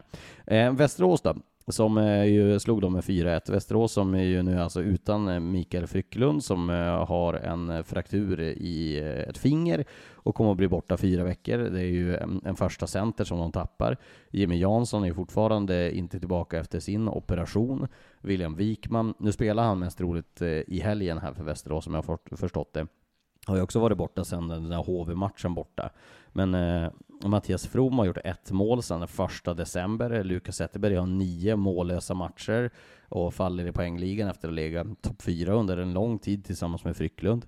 Det är väl det negativa. Det positiva är att eh, Linus Ryttar kommer in och står i mål avlastar JG, vinner en andra raka match eh, som startande målvakt och det är ju på det positiva kontot och dessutom har man ju då två stycken eh, adderingar till laget från eh, KHL som har kommit in som ska... Där, där Grebenchikov spelade första matchen redan mot Västervik. Jag är fascinerad, du, du sa det namnet rätt bra ändå. Jag har liksom klump i magen om Jag ska gled över det, alltså, jag försökte att det låter självsäkert när jag sa det. Det, det är bra. Jag eh, konstaterar igen, med risk för att, eh, tänker de som lyssnar på det, men fan han sa ju nyss det där. men eh, det är eh, alltid svårt att eh, akklimatisera den här typen av spelare så här sent på säsongen. Men jag förstår ju också varför man gör det och, och vad jag fick rapporter så var det ju ändå liksom hyfsat positivt igår och jag, jag ser att man, man är man är full av förväntan i och runt Västerås på de här namnen in. Så att det, är bra agerat. Har man det utrymmet så skulle man göra det. Sen får vi se vad de kommer tillföra. Men det som du var inne på från början, är- Frycklund behöver ju komma tillbaka, så det kommer han att göra. Jimmy Jansson har ju också en, en Det är båda kaptenerna ska vi säga också. Det är ju Precis. kaptener och ledare i gruppen. Ja, det är också så- viktigt. ja, en sån som Wikman som vi har hyllat med all rätt, som har varit riktigt bra under säsongen. Så att de har ju liksom interna lösningar som kommer att, kommer att stärka Västerås. Så jag, jag tycker inte att det är allt för allvarligt, men sen är det ju lite som vi har, vi har varit inne på, att, att Västerås omges av eh, folk som gärna liksom trycker på larmknappen ena dagen och sen är det på liksom SHL-knappen nästa dag. Så att man ska vara lite förståndig när man eh, reagerar kring Västerås tycker jag. De, de, de är med där uppe, de kommer att vara där. De har, vad sa du förut, har de fem fler spelade matcher tror jag än, än Mora? Fem mindre spelare. Fem, mindre, fem mindre förlåt. Fem mindre Ja. menar jag. Och, och det gör ju att även om det ser dramatiskt ut i tabellen så, så har man ju potential där att liksom bita ifrån ordentligt. Och, så att jag, jag tycker inte att Västerås, jag, jag, jag, jag lägger inte allt för mycket tankar och funderingar på att det skulle vara någon, någon kris i Västerås. Men sen behöver man vara mer, det, det har jag ju sagt och det säger jag en gång till, man behöver vara mer konsekvent i match efter match. Man ska undvika de här um, fallen man gör lite då och då. De har ju fått in Svatoslav Grebenchikov eh, som ju då spelade som sagt mot eh, Västervik. Han- gick in direkt i första kedjan, gjorde assist där. Och han är ju tänkt att, eh, att helt enkelt få igång eh, Lukas Zetterberg i den där formationen. Jag tror att tanken är att spela honom, om, eh, om nu inte man väljer att eh, fortsätta med Marcus Bergman tillsammans med Frycklund och Zetterberg i slutspel, så tänker jag att Grebenchikov är är tilltänkt där. Och scoutingrapporten kring eh, Grebenchikov, samma sak där när jag pratar med min eh, Rysslands, eh, Rysslandskännare. Jag har en kompis som ser KHL, vilket i sig är ju obegripligt hur man eh, lägger en massa tid på att sitta och se KHL-matcher. Det, det känns som att det, det är Du tittar ju eh, på tufft. amerikansk fotboll. Ja, men, men har ju dock tappat det lite grann. Jag inser att jag lägger mer tid på Hockeyallsvenskan och SHL för att eh, jag ser det jag jobbar med för att jag vill vara uppdaterad om det. Så att jag har försökt glida bort från det lite grann. Men, men eh, Grebenchikov är ju han kom in i första kedjan i Amur Chaborovsk, tror jag man, man säger när man uttalar det. Han hoppade in där vid jul och efter det så fick ju eh, Amur ett ganska rejält lyft och där blev han eh, kvar ganska länge med sin snabbhet och, och, och sin spelarförståelse. Så har han eh, lyft Amur i deras jakt på slutspel som man ju då uppenbarligen missade. Men fem raka KL-säsonger från den här killen. Han kallas för Greba fick jag höra från Västerås håll. Så Det de underlättar ju. undvikt. Ja, det underlättar ju, men, men vi slänger oss ju inte med smeknamn i TV. Men det är ju en kille som ju känns som en värvad spetsvärvning, eh, Greben Grebenchikov. Och får väldigt fina lovord, inte minst för sin speed. Jag såg Thomas Pannen sa i eh, VLT, eh, lokaltidningen i Västerås, att han är en mer erfaren version av Marcus Bergman, så det kan ju bara helt enkelt tänka att de ersätter honom rakt av där. Och så har de tagit in Ilja Arkalov som är en spelare som man handplockade till eh, Spartak Moskva för att eh, ja, men spela mot de ledande kedjorna. En defensivt skicklig eh, i spelare som ju, jag, jag tänker kommer att bli en tredje, fjärde linjespelare i Västerås som är tilltänkt för att eh, möta de bästa spelarna i de andra lagen. Men eh, där är ju å andra sidan, om då Grebenchikov är snabb, så säger de flesta att eh, Arkalov inte är snabb, att det kan vara frågetecknet, för i svensk hockey så långsamma spelare går ju sällan väldigt bra i Hockeyallsvenskan och SHL. För det första ska jag säga, Ilja Arkalov låter som det skulle kunna vara så det säger Rysslands försvarsminister Ilja Arkalov i ett uttalande till TT. Eh, men eh, hur som helst, jag är också inne på att de här två eh, blir spännande att se. Eh, jag tror att det som det handlar om är Eh, hur man placerar de här grabbarna eh, och vilket förtroende du får, hur snabbt du kommer in i det och vad du utifrån det kan bidra. Jag skäms inte för ett ögonblick när jag konstaterar att det är svårt att värdera den här typen av spelare. Eh, att vara i en liga som är så pass långt ifrån Sverige och svensk hockey. Jag vet att det finns folk som, som njuter av KHL och det är ju det man ser av KHL, eller det, eller det jag ser är ju naturligtvis, det finns ju hög skicklighet. Det, det, det finns ju många väldigt skickliga spelare i den ligan. Men den är också en bra bit bort från oss och det är inget jag följer dagligdags. Så att sätta värde på spelare från en liga som går till en annan, det är alltid svårt att ställa liksom lag och spelare, individer mot varandra. Så att, och det här vet ju naturligtvis de om som värvar också, så att jag tror att man man sitter på det förståndet själva att okej, det här känns ruskigt spännande, vi ska in med det, man försöker scouta, det är agenter, man har video, man har tillgång att se dem, men det är i den miljön och sen kommer alla de här andra faktorerna som kan spela in. Så att eh, jag avvaktar även där. Men Greven eh, tycker jag, någonting som jag tycker låter positivt är att det här är en spelare som är han- han kommer att spela i KL nästa säsong också, väljer att istället för att eh, håva hem pengarna, ta semester med familjen, så väljer han att ändå vilja spela klart säsongen och åka till Västerås utan att han har något ekonomiskt värde av att göra. Han förlorar ju rent ut sagt pengar för att han åker till Västerås, som jag förstår det i princip. Ja, man det ska väl inte jobba ganska- på ICA Maxi där heller. Nej, nej, nej, nej absolut inte. Men, men jag tycker ändå att det säger någonting om, om moralen att en spelare som om vi ska lägga på det positiva kontot, att det är en kille som ändå vill fortsätta spela och visa, visa upp sig och att han inte bara vill hova in cashen. Jag tänker mentalt att man kommer in med en inställning att han faktiskt vill bidra, att det är viktigt för honom att leverera under sin session i Västerås, att inte bara åka dit för att ta en, ett lönekuvert och åka tillbaka till Ryssland sen och, och fira med rysk kaviar. Jag säger inte emot dig, jag, jag bara eh, viftar med den här funderingen kring kring karaktären. Jag har ingen anledning att ifrågasätta honom eller någon av de andra, men du ska underkasta dig ett spelsystem, ett sätt att tänka på, en, en moral i gruppen, eh, förhållandet mellan spelare i lagen, liksom det här är min polare. Hur stort steg är det då att gå från KL? Alltså om du tar en spelare, om, om, med din erfarenhet när du har tagit spelare som tagit dem till svensk hockey från KL, är det jag menar, det är ju inget att sticka under stolen med att det är en helt annan hockey som spelas i Ryssland. Där är det ju det är inte fullplanspressen på samma sätt, att du får oftast lite mer tid, att du, eh, individuell skicklighet kan ju synas mer i KL medan det är ganska svårt i, i svensk hockey att sticka ut och, och visa dig, inte kanske bara produktiv, utan visa dig att du ser eh, väldigt bra ut på isen i, i en svensk miljö där det är mer ska vi säga, strikt än vad det är i KHL? Det som jag uppfattar med KHL, eh, och jag säger det med stor respekt för att jag, jag inte följer det dagligdags, det är ju ändå bilden och erfarenheten jag har, att det är ett väldigt spann mellan de absolut bästa spelarna där är ju rent briljanta. Det finns ju en högsta nivå som är brutal, men det är också ett större spann. Det finns eh, eh, ut, om jag får kalla det för utfyllningsspelare så, som har liksom mindre roller som inte liksom centralt spelar i de bästa lagen med liksom stor framgång. Så, så finns det också de som vi säkert kommer ställa oss frågan, hur i hela friden kan den här spela i KHL? Där är ju svensk hockey generellt bra om jag ställer det mot, nu ska jag inte jämföra norsk hockey, där jag var två år, eller Schweiz, där, jag, eh, där eh, National League är, eh, högsta ligan där är ruskigt bra, där NLB eller Swiss League som den heter nu också är bra, men det som de har gemensamt är från bästa till sämsta spelare, om jag är skarp, är mycket, mycket större. Svensk hockey har en förmåga att, att liksom ha en hög lägsta nivå och där, där du inte har utrymme för sådana som, som är väldigt begränsade, utan alla är bra. Så att därför gör det, det vanskligt. Eh, och då, för då kan man också ställa sig frågan, varför värvar vi inte från den delen av, av Europa och världen eh, under ordinarie värvningstid. Det här är ju helt enkelt för att KHL har, har bestämt sig för att vi stänger grundserien. Eh, det har ju rubbat hela det här. Det är ju därför de öppningarna finns. Det, det kommer inte att få mig att tro att, att svenska klubbar liksom drar sig till Sibirien för, under normala omständigheter, utan det här är ju vad, vad marknaden hade att erbjuda just nu.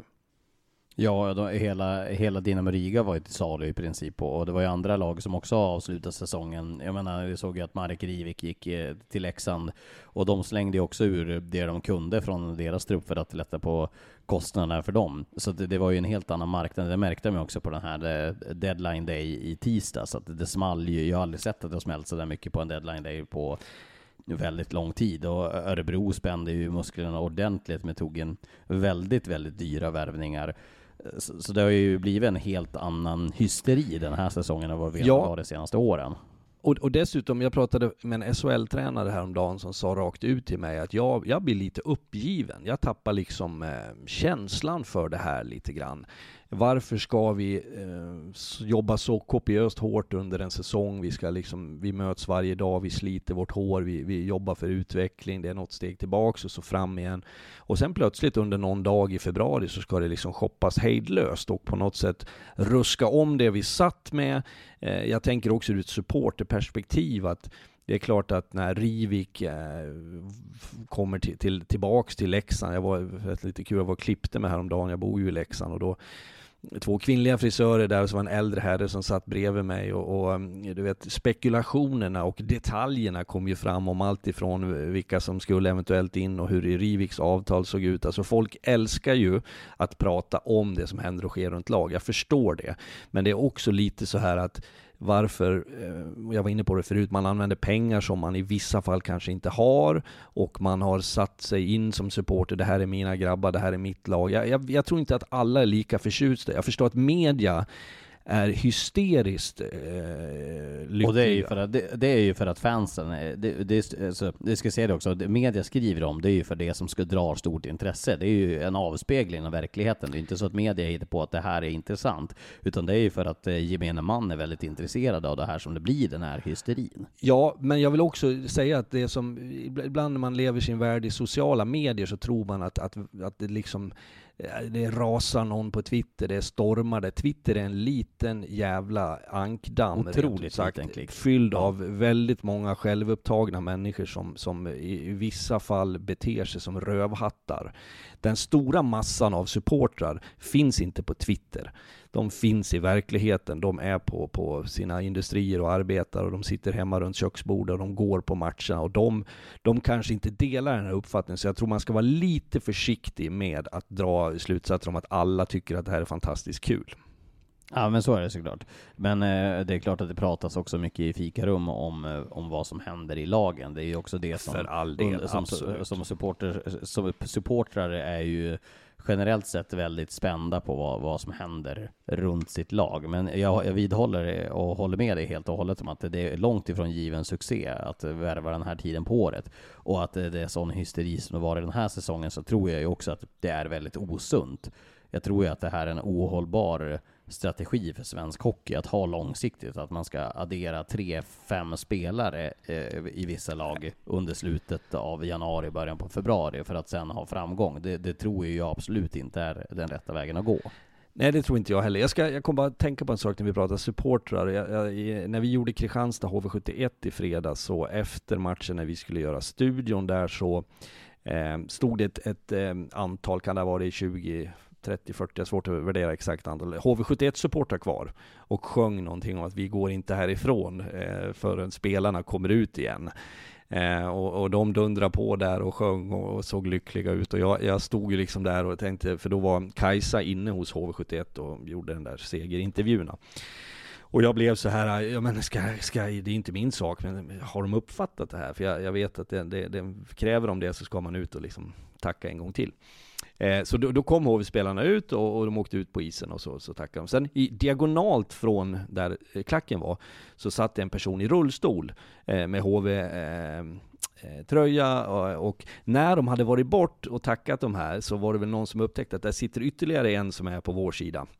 Och det var så fint, jag vart eh, väldigt rörd av det där. Jag har sett lag göra det förut, men varje gång jag ser det där när man upptäcker att där är de som kan stå där, de kan sjunga och studsa och gunga och ha sig. Men diagonalt i den andra liksom, sidan av rinken så sitter det en person som inte har den möjligheten. Och då åker liksom hela laget fram, de slog lite på plexit i den här personen och, och, och tackade. Och den, den lyckan jag såg där, den, den gick rätt in i mig. Och det, det är när det är som finast det här förhållandet mellan eh, supportrar och eh, spelare. Mm. Jag tycker det är bra också att man tagit sig tid till det. Det tycker jag är Verkligen.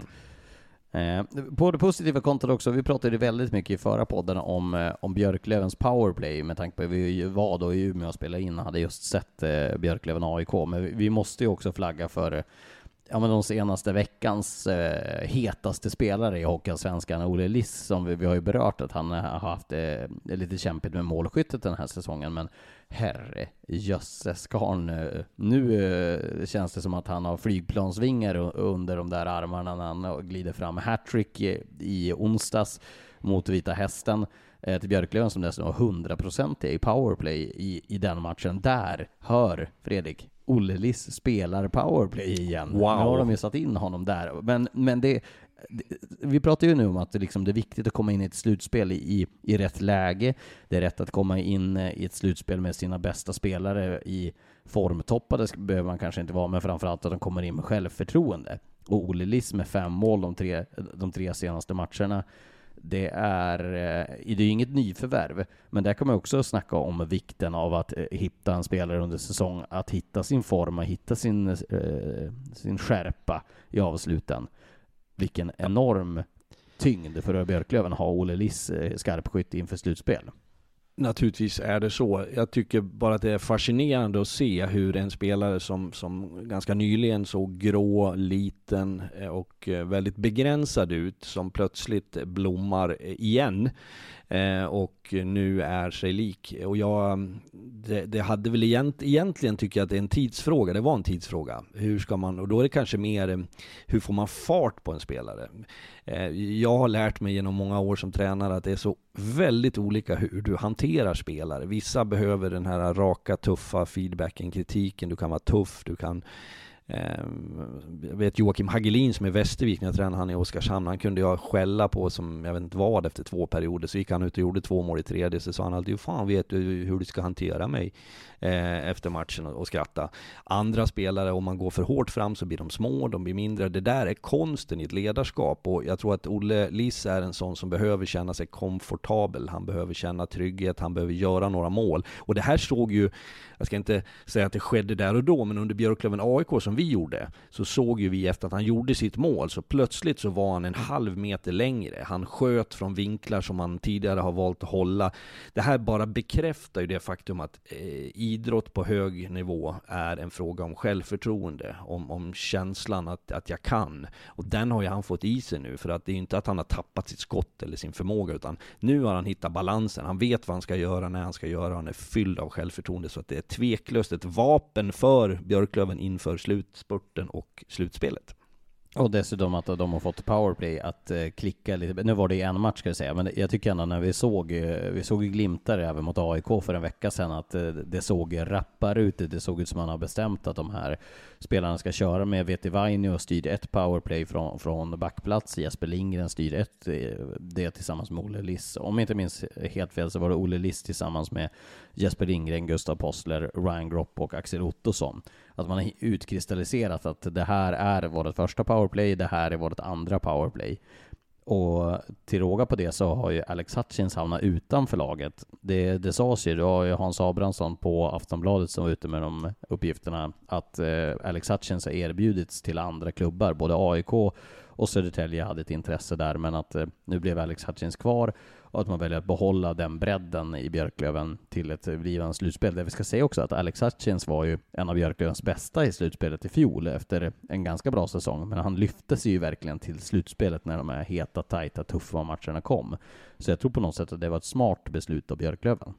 Tror jag absolut. Jag tycker att vi såg tendenser, jag såg det i alla fall, från vår position mellan båsen under en tid här. Med kroppsspråk, eh, hur du agerar. Jag tycker man väljer bort att inte ligga i skottlinjen. Man jobbar inte klart situationen. Jag tycker han har fuskat lite grann i sina prestationer. Och har man då ett brett utbud som Björklöven har så måste man göra val som ibland, menar, även om det må vara en, en snäll pojke eller att du har varit bra förut, men det, det här och nu är hockeyn och det, det är en viktig egenskap hos en coach att man inte Eh, förhåller sig till för mycket av det tidigare eller är känslostyrd utan att man konstaterar att är det inte tillräckligt bra. Sen, sen får man ju vara försiktig också för det, det kan ju vara, har kanske varit Björklövens dilemma lite grann att man har eh, man har eh, agerat liksom lite på, på jag vet inte, känslomässigt sådär, fan han har inte varit bra, bort, ut med han. Och det skapar en oreda. Ibland, man får välja några hästar att satsa på för att det ska bli bra, men, men den situationen nu känns ju som att det har lyft Olle Liss. Ja, eh, jag, jag, vet inte om man ska tänka där heller. Eh, som, menar, som tränare, om du då sett en spelare som har varit en nyckelfigur i ett lag i flera år, som säkerligen har ett ganska stort kluster runt sig i, i gruppen, att sätta en sån spelare på, på läktaren, det måste ju också, det är ju inte helt oproblematiskt förstår jag. Verkligen inte. Men det är ju de besluten som är viktiga att ta och jag kan inte alla turer kring just honom, men jag har själv varit i den situationen. Jag har både gjort rätt och fel. Jag har gjort fel ibland där jag har tänkt att ja, men det, det här blir för komplicerat. Det, det, det drar det med sig skulle jag säga, eh, liksom andra som tycker och tänker och det blir en reaktion. Men lika ofta som, som eh, man gör det omvända, när man tar de där besluten så, så växer man i kanske spelarnas ögon. Och jag, jag tror faktiskt att hockeyspelare, precis som vanliga människor i sitt arbete, har du en chef, en ledare, så förväntar du dig att det är den som ska ta de modiga besluten. Och ibland är det smärtsamt, ibland så ger det komplikationer.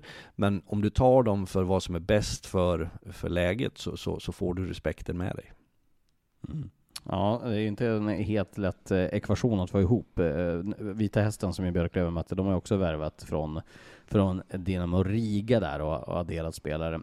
Men eh, vi var ju inne på det redan där, att eh, Södertälje mot Vita Hästen, den matchserien som det blir nu då i grundserien kommer att bli, ja men vi ska inte säga att den är helt avgörande, men den kommer ju ha väldigt stor vikt om vilket lag som undviker det negativa kvalet.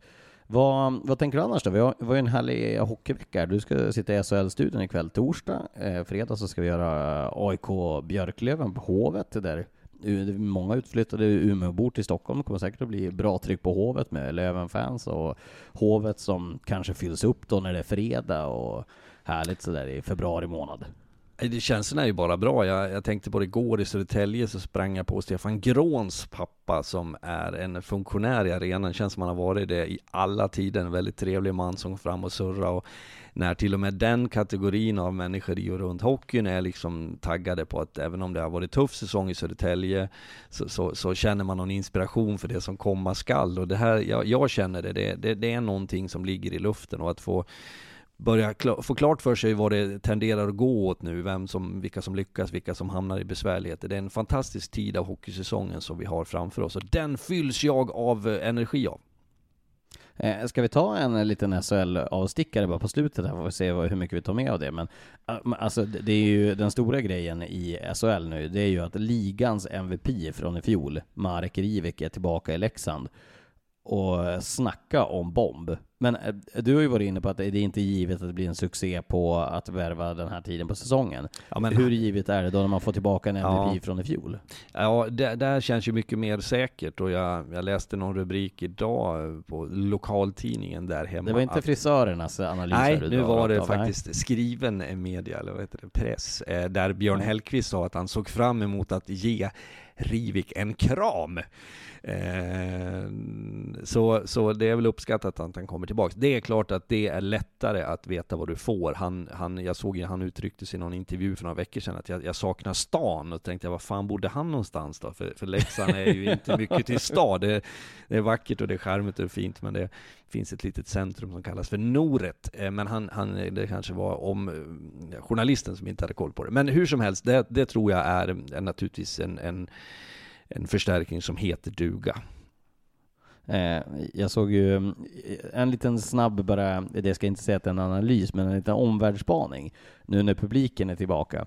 Det är lite intressant att se vad som händer när publiken är tillbaka. Kolla vilka som varit hetast den senaste veckan. Ryan Lash öser in mål i ett kokande Skandinavium. Skellefteå som har nästan fullsatt hemma mot Malmö. Joakim Lindström fem poäng. Nu blev det bara fyra för han var tydligen inte på ett av assisten där. Men eh, som ju såg ut som att han var 22 igen och Ryan Lash såg ju spelsugen ut. Det är inget att sticka under stolen med att de ledande spelarna som har varit med i hockeyn länge, det är ju lätt att se hur jäkligt mycket de växer nu när vi går mot slutspel, vi går mot fyllda läktare och, och det är tillbaka. Det är ju de gamla rävarna som ju blommar igen. Visst fasiken är det så. Och det det, vi lyfts ju allihopa av det och det, det, vissa spelare drivs med, de här yngre killarna som, som är liksom på uppåtgående, de kan knugga på varje dag, de är vana att spela i, i småhallar, de kommer från juniorverksamhet och så.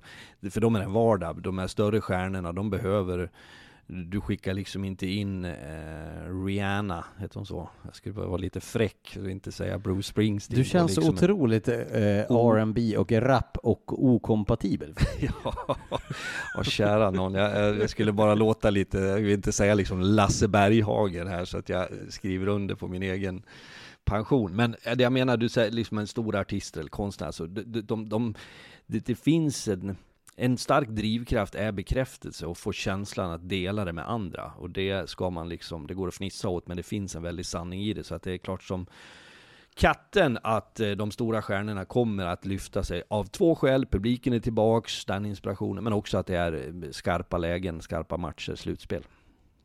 Du Fredrik, eh, nu rullar vi framåt här när, när det kommer att bli intensivt matchande, men vi, vi har ju lite spaningar och lite planer för podden framöver. Vi hade ju tänkt göra ett eh, specialavsnitt i SHL den här veckan. Nu föll det på eh, lite schemaändringar och så, men vi har ju lite planer för, för podden. Vi ska väl inte avslöja allt, men eh, vi, vi ska på en roadtrip i, i Jönköping om två veckor där vi funderar på att vi kanske ska addera lite kryddor i, i den här podden så att eh, det, känns som en spännande vår, inte bara för eh, hockeyn och passionen och slutspelet och avslut, men också kul att Rinks lever med lite nya ingredienser framöver tycker jag. Det tycker jag är bra, och det som jag konstaterar, du, du är ju den drivande kraften, det är ju din, eh, dina tekniska kunskaper och din eh, outtröttliga passion som driver det här och jag hänger på.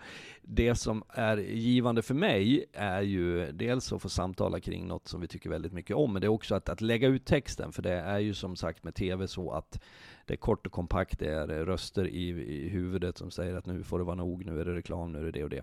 Här får vi lägga ut texten lite mer och resonera lite grann. Och så står du och jag för två olika liksom, världar. Du har ju den journalistiska ådran och du du påstår och du spekulerar och du tänker och jag känner mig som den där tränaren som står i en intervju och ska liksom bromsa det lite grann så att det kanske är en bra kombination du, du är den som får så här, ja men det, det, ja, det, är jättekul att det där ser spännande ut, men det är egentligen jättetråkigt. Du, du, du är den som recenserar en film som sågar en film, en tvåa, så att du sänker förväntningarna när du ska komma in och se den nya storskaliga ja. filmen på bio och investera 200 spänn en onsdag kväll för att ha jättekul och så bara, ah, tvåa, jag tycker att jag inte såg den där riktiga mina, fan, Jag måste sluta med mina imitationer av dialekter. Ja men och det, det, du, du har jättebra, men du har helt fel. Alltså du kan prata om någon som är från Dalarna och så är det uh, halländska liksom. Så, så du, du behöver bara koppla ihop dem så tror jag att det kan bli bra en vacker dag.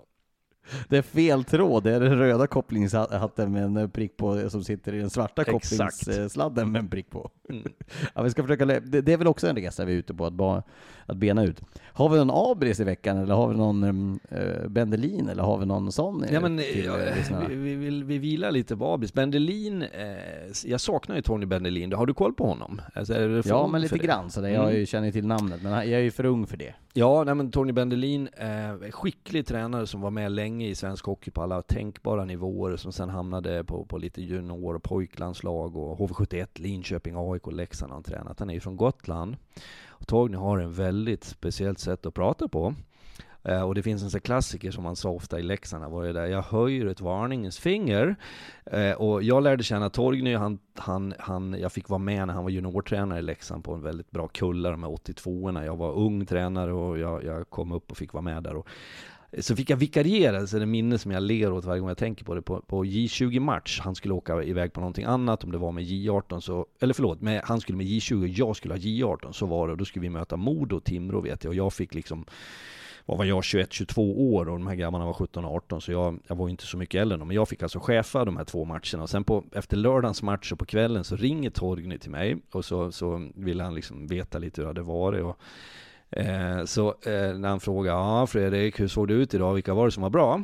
Eh, och så börjar jag, jo men äh, det var en jättekul match, det var bra. Eh, faktiskt, alltså en av de som stack ut i, idag var faktiskt Ola som jag, så vart det så tyst, det klippte, så fan nu bröts det.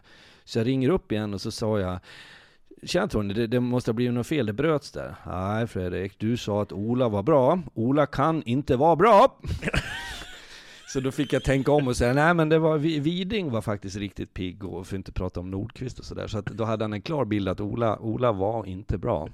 Eh, och sen hade jag en båtresa, det var med läger på, eh, på, på, på Gotland, eh, på träningsläger med eh, Oskarshamn och då skulle jag åka båtresan hem där så vi var lite trötta, vi hade en middag på sista kvällen där och så åkte vi tidig båt och då när vi satt oss där och skulle vila så hör man som Tjena grabbar, får jag sätta mig er med Oskarshamnsgänget? Och kom Bendelin och satt där i tre timmar och en kvart och pratade hockey. En, en härlig hockeyprofil som eh, svensk hockey har mycket att tacka för. Men Ola kunde inte vara bra, där, Nej, där slutade samtalet. där var poängen. Ja, så kan det vara. Ja. Och då drar vi vårt eh, stopp på det här samtalet och eh, önskar er välkomna till 18.30 kör vi Simon Hockey då AIK mot Björklöven på Hovet och det var fem matcher om jag inte räknar helt fel så det blir en, en härlig fredagkväll att summera då från, från Hovet. Thank you.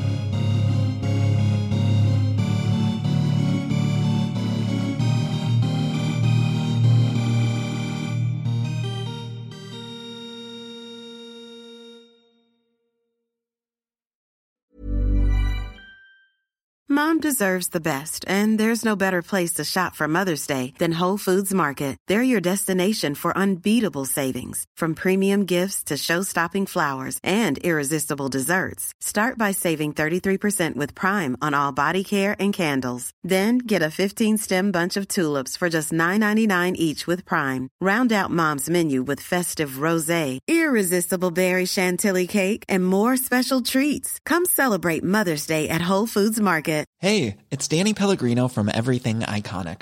Ready to upgrade your style game without blowing your budget? Check out Quince. They've got all the good stuff shirts and polos, activewear, and fine leather goods, all at 50 to 80% less than other high end brands.